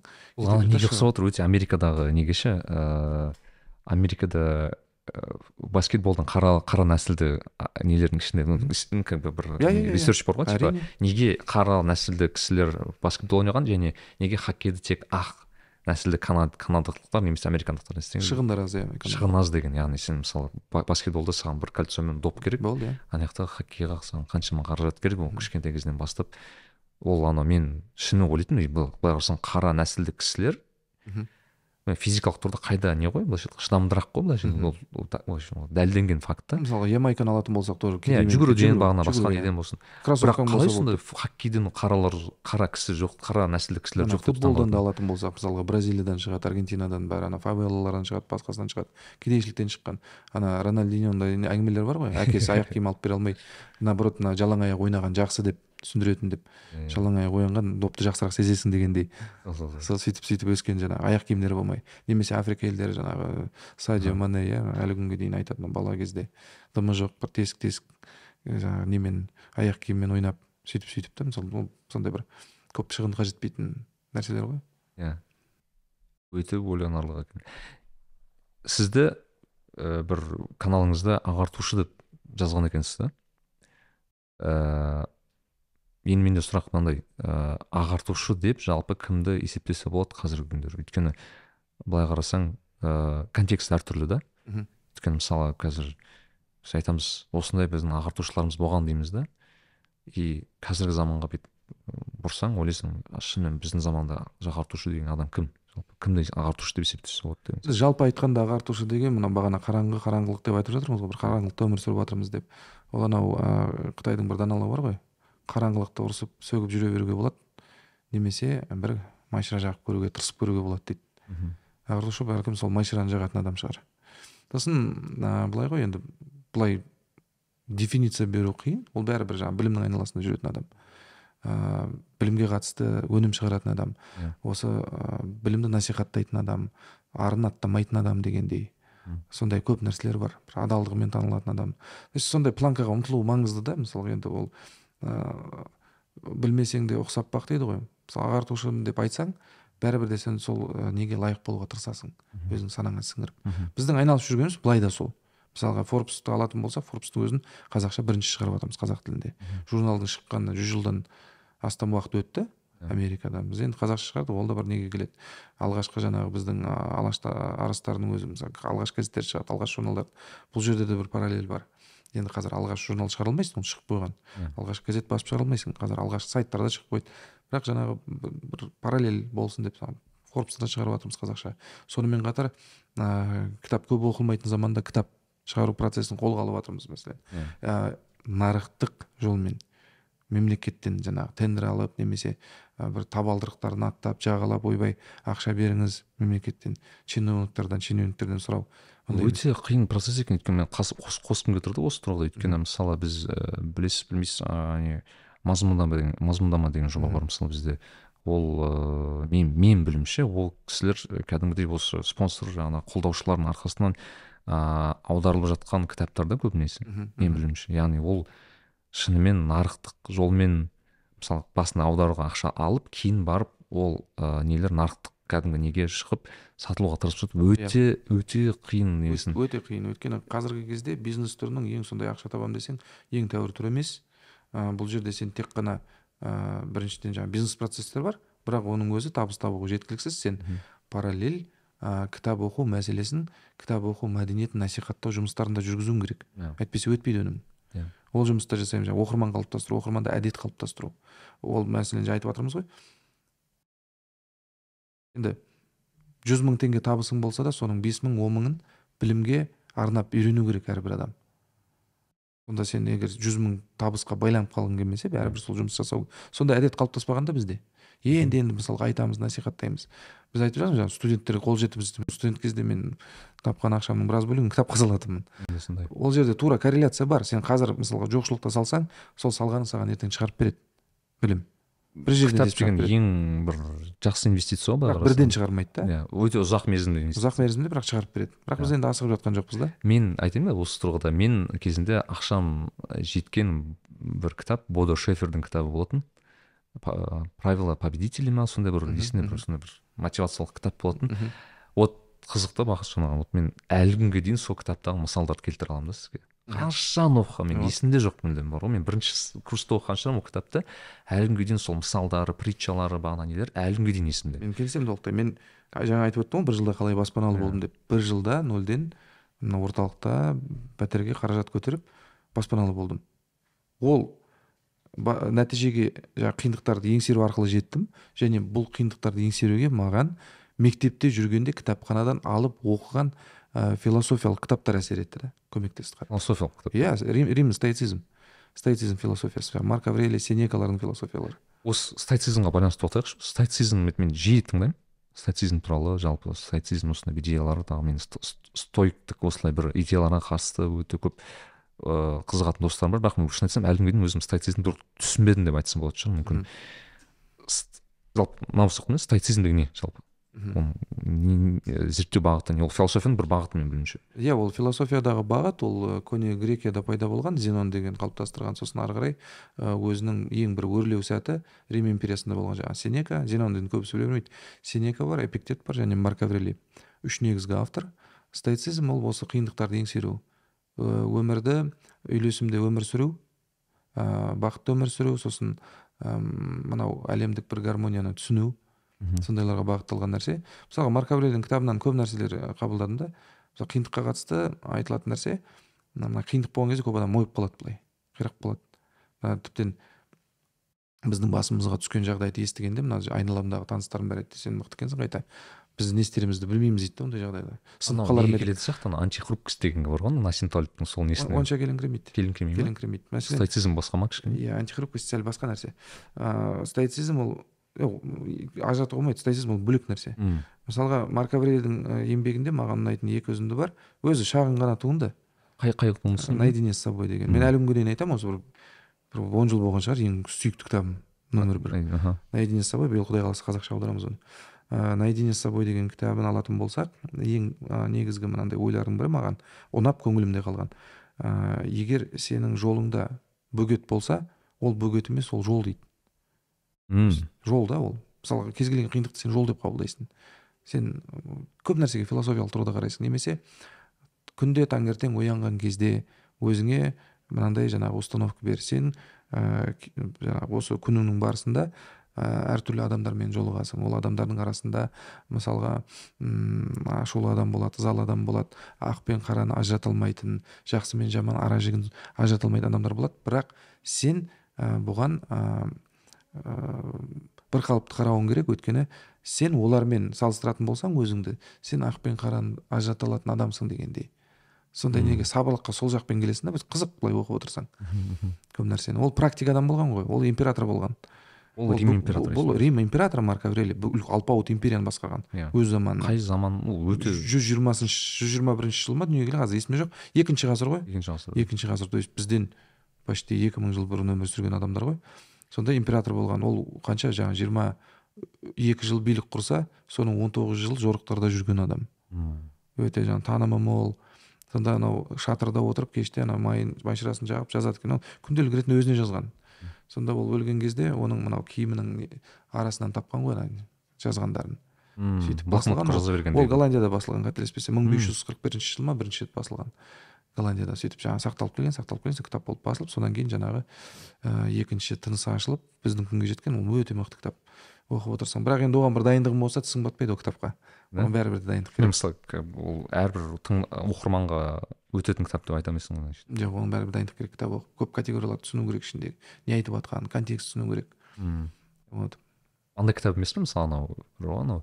Искусство войны деген кітап бар ғой мысалы. Жоқ ондай емес. Жоқ мысалы айтқым келген анау бір ол, ол да сондай кітап та мысалы оны ол, түсінсең оқысаң түсінбейсің ол, былай да ол адам өзіне жазған арнап. Ол Иә. оны бір жаңағы оқырманмен бөлісу үшін басып шығару үшін жазбаған. Ол өзі үшін былай ойларын нетіп кеште жазатын болған. Вот ра- размышление деп айтады наедине с собой дейді. Вот. Өзіне бағыттап жазған да ананың барлығын. Жоқ маған мысалы сіздің сіз жақсы айттыңыз да мысалы бағыт бір көрсең ол сенің жолың деген сияқты мысалы Бөгет. бөгет көрсең. Мысалы сіздің бағанағы вот баспанаңызға байланысты көрсеңіз сіз солай қабылдадыңыз яғни ол да менің бір жолым деп. Енді менің басыма түскен нәрсе ол ол жол просто. Ол бөгет емес ол қиындық емес деп. Бөгет та сен өтуің керек. Ол қызық ол ойын сияқты. Сосын ыыы мәселен бұл жерде исламнан алатын дүниелер бар тоже былай ойлап отырсаң. Допустим ә, бір жаңағы жаратқан алла саған бір жақсылық жасауға келсе ол қиындықтар арқылы жібереді дегендей бар да. Қиындықтарды ол сүйген құлына жібереді дегендей бар. Сонда бір қарап отыратын болсам ә, значит саған мынандай сұрақ қойдым да басында бұл жаза ма? Иә. немесе сынақ бұл сынақ па? Иә. Енді жаза болатындай періште болмасаң да пенде болсаң да ондай жаза алатындай мен тірлік жасамадым. Мен әйтеуір соңғы білген жылдарым кітап шығарумен айналысып жүрген адаммын да. Мен басқа біреуді өсектеуге уақытым жоқ сырттай ғибадаттағы уақытым жоқ дегендей. Енді ойлаймын значит жаза болса да бұл как бы несоизмеримый жаза. Значит бұл жаза емес скорее всего сынақ. А сынақ болса сынақтың артынан міндетті түрде саған бір сый келеді. Значит мен бұл сыйды максимально алуым керек. Не дайындап қойса да демек мен бір жыл ішінде қиналатыным анық қаржылай тұрғыда. Бірақ мен ә, өзімнің мысалға садақа көлемін азайтпаймын сол қалпында қалдырамын қалай беріп немесе өмір сүру деңгейін төмендетпеймін. Мысалға мен отбасыммен жылына бір екі рет сапарлап жүремін ба? Ел ішінде болсын сол мен сол деңгейімді сақтаймын. Немесе тамаққа қатысты немесе киімге қатысты немесе балалардың оқуына қатысты. Сол яғни емес нені көбейту иә, қаржыны көбейту сен қазіргі жағдайыңнан тыс сынақты аласың да. Иә. Yeah. өйткені сен сынаққа жаңа орысша айтқанда поблажка жасамайсың өзіңе. Біріншіден жаңағы садақа деңгейін кемітпейсің өмір сүру деңгейін кемітпейсің немесе өзіңді аяушылықты арттырмайсың ә, дегендей. Сен ананы толық көлемде қабылдайсың ризашылықпен. Значит бұның артында бір сыйлық бар бұл сынақ. Бұл значит жаратқанның қалауы сондай. Егер қалау болса сенің қалауыңның рөлі шамалы дегендей.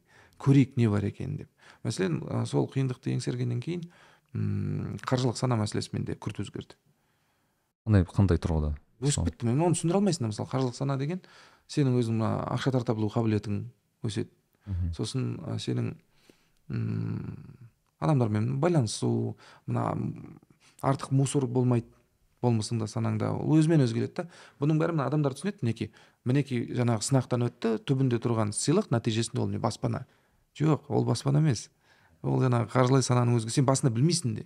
Баспана ол ең минимальный нәрсе. мәселе баспана ол бір менталдық нәрселер. сол өзгерістерге алып келу керек бір не болған ғой жоқ баспана деген материалдық нәрсе ғой yeah. Дүниелік бірдеңе. Бірақ сен анадан кейін қандай күшті нәрселер алдың да мысалға менде мынандай сана қалыптасты мен қазір жылына бір баспана көтере алатын жағдайым бар. Жылына анадан кейін. Бірақ маған ол керек емес та. Мен оның дүниенің артынан қуалап кеткен жоқпын одан кейін. Мен просто жаңағы басқа жағынан өзімді апгрейд қылып алдым да жаратқанның қалауымен деп айтуға болады ана сынақтың нәтижесінде. Сол берген апгрейдтары не болды? Мен апгрейдтерді айтып отырмын. Ол апгрейдтердің арқасында сен көптеген мысалы дүниетанымың кеңейеді. Сенің ә, бір жоспарлау горизонтың көкжиегің кеңейеді дегендей. Қаржылық санаң өсіп кетеді.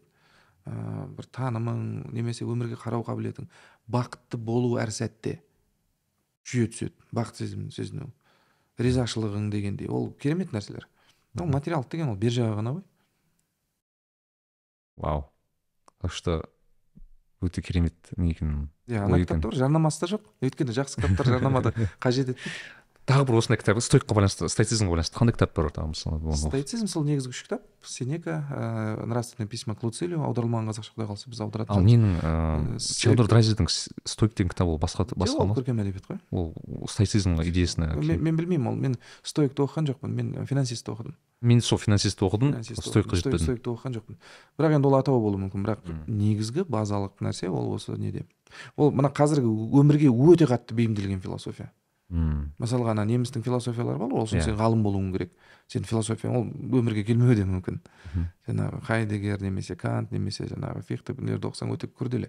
Ол үшін маман боласың сен философияны философия үшін деген маған өйткені қызығы ә, именно стоик пен жалпы стоицизммен қызыққан кісілер көбіне мен менің ортамда ол көбіне ана былай ә, былай неге дінге жақын кісілер болатын.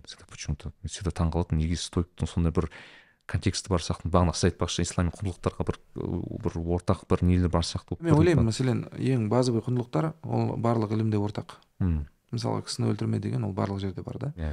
Мысалға ол тек мысалға бір бір діннің немесе бір философиялық бағыттың жемісі деп қарастыруға болмайды.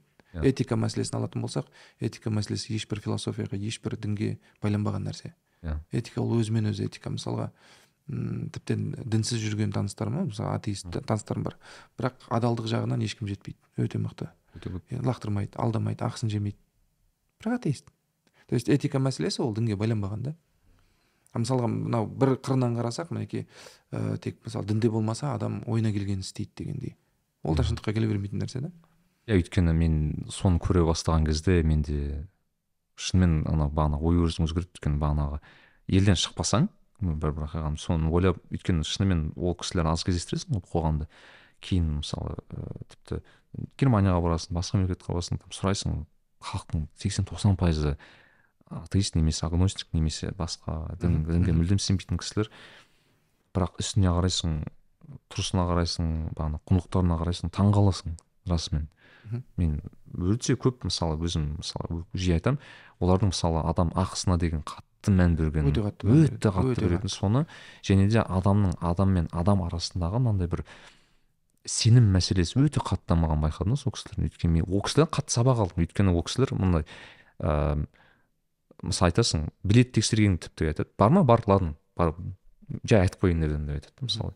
Алдасаң ештеңе кетпейді. Айтасың болады бар деп. Жоқ болса да бар демеңіз бірақ адамдар кейде тіпті оны да айтпайды ладно по факту айтады да бар не жоқ осылай. И мен кәдімгідей біраз нем шаблондарым сынған еді сол кезде өзім. ол тек еуропада емес дамыған елдердің бәрінде ондай нәрсе бар. Мен ә, оңтүстік кореяда оқыған таныс студенттер кезінде бір әңгімені айтып берген. Кореяның метросында жүрген кезде дейді енді ақша үнемдеу мәселесімен біздікімен салыстырғанда транспорт құны көлікте жүру құны қымбатырақ қой иә әрине. Қымбат болғанда да бізде мәселен сол кезде елу теңге болса оларда мүмкін үш жүз теңге шығар сондай да. Сонда турникетті аттадық дейді. Аттағанбыз иә. дейді. И біздерді полиция ұстап алды дейді. Иә. сонда қараңызшы ыыы полиция дейді ары қарай бізбен не істейтінін білмей жібере салды дейді. Өйткені ондай ондай жағдайға не? ондай жағдайға мүлдем дайын емес дейді да. Иә. өйткені алдайтын адам жоқ анандай. Жаңағы қазақтар түсіп жатыр да сонда. Былай қарасаң намысқа тиеді да. Міне осы жерде жатыр да мысалы намыс анау мынау дейді да. Сен просто турникеттен аттама. Болды. Арыңнан аттама турникеттен аттама. Өте қызық өйткені маған кореяға байланысты тура осындай екінші не бар ыыы оқиға есіме түсіп отыр. Бізде кореяда оқып жүрген бір қазақ студенттер ыыы неге көп бір группада өте көп қазақ студенттер оқып бір біріне көшірген дейді да экзаменнің үстінде. Мен білемін оны. Иә. Мен өзім кореяда стажировкаламын біздің нелеріміз көшірді көшірмеңдер. қазақтың абыройын кетіресіңдер істемеңдер. Ей қойшы қойшы бақа қойшы қойшы деп әйтеуір бәрі көшіріп аналар сөзіңіз Иә. аузыңда шпаргалка болмайды көрмеген тартып алады. Тартып алса біздің қазақтар екінші запасной шпаргалка жасап қойған ғой екіншісін шығарады аналар аут болды кәдімгідей. Жоқ ыыы айтқым келген не да ыыы былай болды дейді да экзамен басталды дейді кәрістің студенттері отыр біздің қазақтар отыр. Шпаргалка қолдансақ бола ма дей ма жоқ бүйтеді ыыы онда жақсы анау кім кірді экзаменатор кірді дейді да бәрін таратты да шығып кетті дейді просто. Шығып кетті дейді камера түк жоқ дейді реально. Иә. Баланың бәріміз үндемей жазып отырмыз адам жоқ тексеретін дейді. Ішкілер бүйтіп қарады бүйтіп қарады «Ә, әкел дейді да и басталды дейді да анау көшіру тағы басқа. Кәрістің студенті қарап тұр дейді. Енді қызығы дейді да экзаменатор келді Мгм. қағазын бәрін жинады салды кетті дейді. Көшірген баланың бәрі фейл алды дейді да и мен олар таңғалған ғой. Во первых тексеретін адам жоқ. Камера жоқ. Не қарайды жоқ. Олар кім береді десең студенттер дейді жаңағы кәрістің студенттері айтқан дейді. Мына Иә, иә. балалар көшірген. Иә. и мен олар а, ана студенттер маған айтады вот они сдавалалар дейді да короче маған келіп айтады я говорю Терпилалар олар дей ма? терпилалар дейді я говорю олар сдавалалар емес. Как раз таки сендер қуасыңдар неге десем өйткені олар ойлайсың да сен ойланып қарасаң л- логикалық тұрғыда емес олар түні бойы дайындалды Иә. семестр болып оқыды тұрады да жазады дейді да. Қиналып тұрып өзің білім сынауға келді дейді да. Сен оқымайсың ә, қиналмайсың келесің да ол одан жоғары баға аласың. Әділетсіз ғой деймін да. Олар әділетті тіпті ол жағынан қарайсың сен әділетсізсің мына жерде и оны түсіндіру олардың олардың былайша айтқанда шаблонның сынуына осы әсер еткен дейді да. Енді кәрістердің де ә, болмысы бірден қалыптаспады ғой мысалы жаңағы соғысқа дейінгі кәрістер қандай болды? Соғыстан Иә. кейін диктатура болды оларда. Одан кейінгі реформалар болды. Мына соңғы отыз жылда ғана олар ә, өркениетті қоғам болып жатыр да. Олар біз барған кезде сол кореяның тарихын оқыдық. Бізге ұстаз айтатын кәріс канадада оқып келген. Ә, кәрістер дейді соғыстан кейін әбден кедей болып оларда қазба байлықтары жоқ өздерінің шаштарын өсіріп сол шаштарын қидырып америкаға парикке сатып солай күнін көрді дейді. Сөйтіп бастаған халық та жоқшылықтан. Қазір корея қайда? Біз қайдамыз. Біздікілер мысалға қазір кореяға барып беспределмен айналысып жүр. Иә. ана жақтан жаңағы әуежайынан қашқан барады да бір кәрістің балдарын қағып кетеді көлікпен қашып мында келіп. Сосын ана жаққа экстрадиция болып масқарасы шығып жүрді қазақтың. Айта берсе. Бір мен сонда айтамын да "Ей, сендер қойсаңдаршы деп айтсаң "Е, тыңдамайды. Мына қоғамда нарекпе ә, ең қызығы мынандай өте правильный адамдарды жек көреді қоғам. Сен дұрыс нәрсе айтасың ғой қараңғы қоғам соны жек көреді. Оны неден білемін? Мысалға ана көне римде аристид деген бір ә, саяси бір саясаткер болған. Өте адал болған халқын ойлаған халқының қамы үшін бірталай тірліктер жасаған. Иә. Енді ә, грекияда дауыс бере дауыс беру құқығы бар адамдар жиналып жылына мынандай бір қыш құмыраны үлкен сындырады екен да соның сындығына бір кісінің есімін жазады екен. Қай кісінің есімі көп аталса сол кісіні афиныдан қуып шығады екен. Сонда аристид сол агораға яғни мына алаңға бара жатса алдынан бір ә, афина тұрғыны шығады. Мен жазу жазып білмейтін едім. Мына жаңағы қыш неге жазып берші? дейді. Сен білесің ба? Мен жаза аламын дейді. Кімнің есімін жазайын десе анау аристидтің түрін білмейтін адам екен да аристид деп жаз дейді. Сосын анау таңқалады екен да. Енді менің естуімше аристид ол наоборот халықтың қамын ойлап жүрген адам дұрыс нәрселерді айтатын адам адал адам. Неге аристидті қуғанды қалай істесең? Өйткені ол слишком правильный дейді. Надоело уже дейді да. Сондай да ол тарихта сонда мынау жаңағы қыш құмыраның сынығын астракия деп айтады екен. Астракизм сөзі содан шыққан. Астракизмге шалдықтыру деп айтады ғой иә иә. білес- біле- білесіз ғой иә оны? естігенім бар сондай иә бір. подвергнуть остракизму то есть сені бір изгойға айналдыру шығару Иә, деп иә, иә. Сонда қоғамнан бір қоғамнан, сен дұрыс болғаның үшін да иә. Сондай мысал бар. Демек ана жерде де айтып жатсаң ей сендер көшірмеңдер бұл жерде тек сендердің ғана шаруаң емес бүкіл қазаққа кесірлерің тиеді. Бүкіл қазақтың ақысын жейсіңдер. Е қойшы дейді да саған. Қашаннан бері сен дұрыс әңгіме айтатын болып қалғансың неге сияқты ғой ана бір кез келген айтады ғой кез келген қоғам өз пайғамбарын қуған деген сияқты айтады ғой соған ұқсайды ол да. Иә. қарасаң бізде енді өзің байқасаң мәселен сайлау болсын не болсын былай дейді да. Адамның қоғамның дамуын не нәрсеге мына зейінін аударатынынан байқауға болады. Өзім солай ойлаймын да ой тұлғам мысалы сайлау примерно жақында сайлау өтті.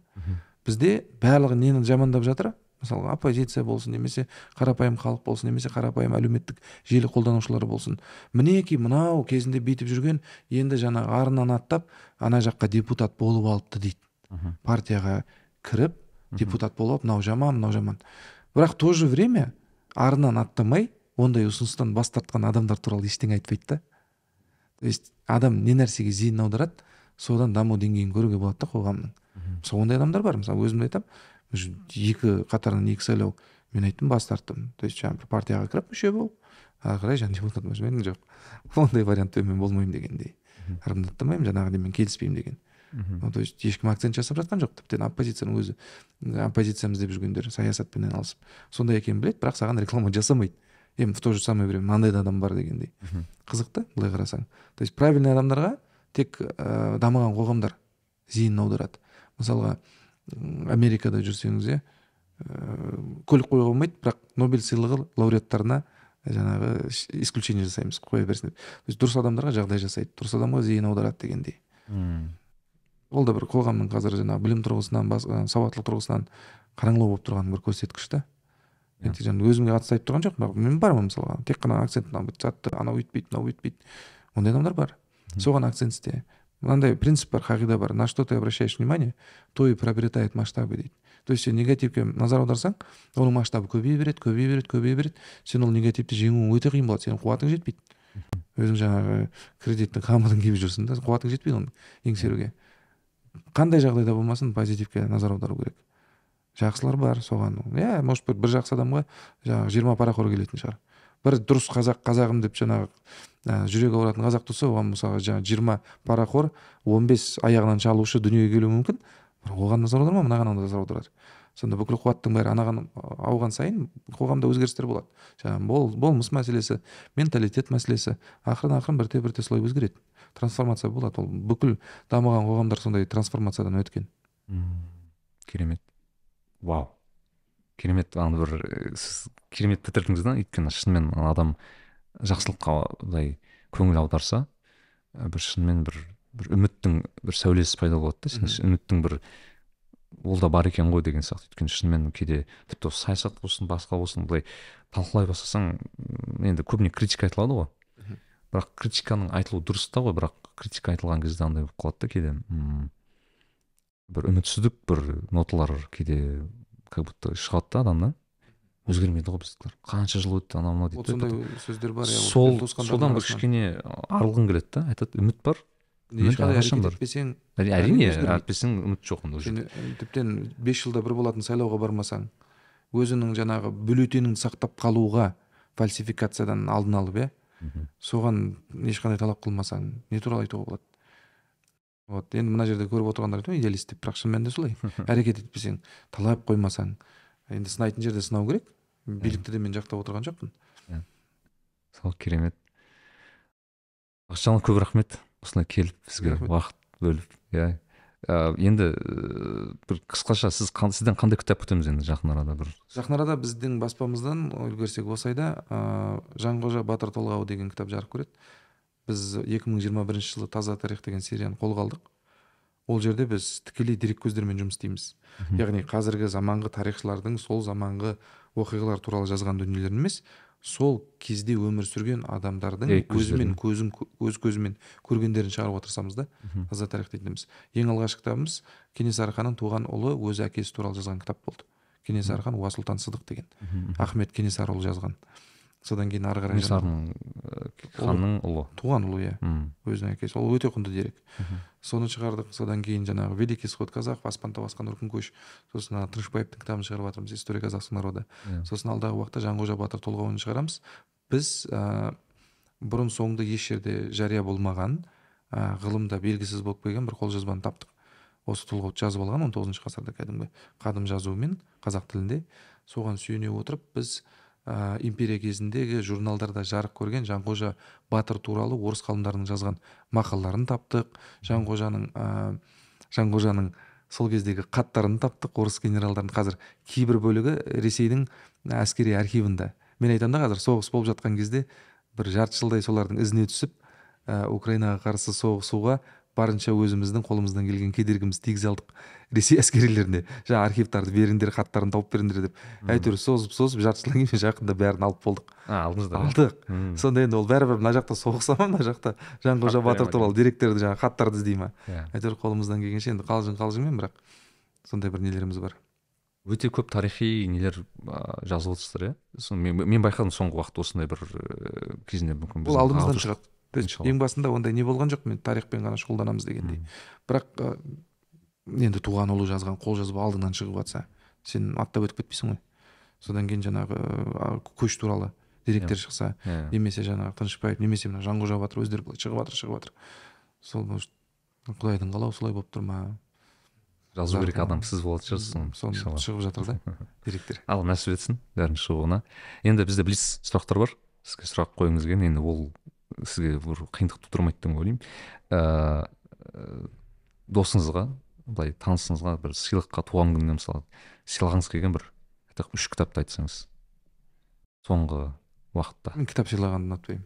Өйткені оның талғамына оның қалауына оның мақсатына сай келмей қалуы мүмкін. Өзіңіз жалпылама былай кез келген прагматик ретінде мен ақшалай беремін? Қалаған кітабын сатып алады а былай енді кітапты не істейтін бір ә, соңғы уақытта өзіңізге ұнаған менде проблема жоқ мен өзімнің баспамнан шыққан кітаптарды сыйлаймын. Ең жақсы сыйлық кітап болса одан да иә амал бокстан шыққан. Ең жақсы кітап лучший подарок книга дейді ғой. Иә. мен айтамын да книга все еще лучший подарок но лучший подарок чем просто книга это книга изданная тобой. Өзің шығарған кітап. Ол жай кітаптан да жақсы. Өзіміздің кітаптарымызды сыйлаймыз кейде. Кейбір достарым бар енді барлық кітабымды алғанын білмеймін. Туған күніне ақшалай бере саласың. Мен маған маған десең наверное бақытжан ағадан күміс кітап ыыы настольная книга казахский бизнесмен деген бір кітабыңызды оқығанмын және үшіншісі сол мүмкін қарсыз қазақ мүмкін оны ол қазақша версиясы сол Ой, кітаптың. тек қана қазақша. Соның қазақша аудармасы үш кітапты өзім ұсынар едім. Мхм. ыыы және марғұлан ағаның кітабы жақында шыққан жақында шыққан иә. Ыыы екінші сұрақ ол ыыы өзіңізге. Соңғы енді соңғы уақытта соңғы жылда өзіңізге ең жақсы жасаған инвестиция енді пәтер пәтер деген енді баспанадан бөлек өзіңізге бір айтайық бір өзіңізге бір пайдалы болған бір инвестиция туралы айтсаңыз яғни бір ыыы тиімділік берген жағынан өзіңізге көмектескен дегендей. Ну, балаларымның тәрбиесіне бөлетін уақытым шығар. Мм. ең жақсы инвестиция. Иә. ыыы күніне бір бар ма сізде мысалы осынша сағат бөлемін деген немесе аптасына осынша сағат бөлемін деген? Жоқ ол жұмыс емес ол уже өмір салты ғой. А, өмір салты. Ол мысалға былай бөліп алып деген е, ертегі оқу бар мәселен. Қазірдің өзінде мысалға ана журналды басуға дайындап жатқанда немесе бір кітап шығарып жатқанда өкінішке қарай күнде оқи алмайсың. Бірақ мен кітаптарды сатып аламын да оқимын. Енді әдемі әдемі ертегілер мысалы жапон ертегілері қазақша жоқ мен көрмедім. Мысалы жапон ертегілерін жақсы көреді мен жапон ертегілерін сатып аламын қалың кітап бір кітапта алты жүз ертек. Қысқа қысқа соларды мен мынандай әдет қалыптастырып алдым өзімде. Орысша өзім көзіммен оқып отырамын да аузым қазақша аударып отырады автомат түрде. Жатар алдында сөйтіп оқимын. Немесе славян ертегілері немесе жаңағы скандинав ертегілері дегендей жаңағы біліміне құйып жатқаным тәрбиесіне қатысты өзде өзімнің ізденістерім. Иә. Ертең мен өзіме қатысты мәселен үлкендерден алғанды жақсы білемін үлкендерден алған плюстарды да білемін минустарды да білемін. Сол минустарын мәселен мен отыз жасыма дейін тазартумен айналыстым. Иә. Ондай нәрсе болмау үшін ол балдарым қуатын сондай процестерге жұмсамау үшін қазірден бастап мен ойланамын да қай нәрсем қай сөзім минусқа айналып кетуі мүмкін. Иә. Өмірлік әсер ететін соны соны айта аламын мақтанып. Керемет ең кішінен керемет инвестиция ғой ол. Және үшінші сұрақ ол наверное сізге де бір визуализация қажет еді. Алматы көшесінде алматы көшелерінде ең үлкен айтайық баннер бар сізде. Ол сіздікі. Кез келген зат қойсаңыз болады. Реклама сөз пост кез келген зат. Сіз не қояр едіңіз? Қандай месседж қояр едіңіз сол жерге мхм мен осы сұраққа жауап бергенмін бір подкастта. Ыыы не деп жазуға болады? Мысалы былай жазар едім. Болып тұрады бірақ болмау керек деп. Бізде сылтау бар ғой енді болып тұрады болып қалды ғой дейді да иә болып қалады болып тұрады бірақ болмау керек. Сондай. Өте аллегорияға жақсы сөз екен ертең болып тұрады бірақ болмау керек. Сол сол достар көп рахмет. Ә, біздің подкастымыз жазылып ұнаса лайк қоңырау бәрін басамыз. Бақытжан ағаның керемет ә, ютуб парақшасы бар. Бар. Бар ә, инстаграм барлық Саяси парақша- шоулар саяси бар, иә. шоулар бар. Өзім көріп тұрамын сондықтан жазылып бақытжан аға жазылып подкастымызды көріп отырыңыздар. Және де көп рахмет осылай керемет көп уақыт бөліп сізге қосылғаныңызға да рахмет. Сол кездескенше ә, күн жақсы деп айтайық. Сау саламатта болайық. Ассалаумағалейкум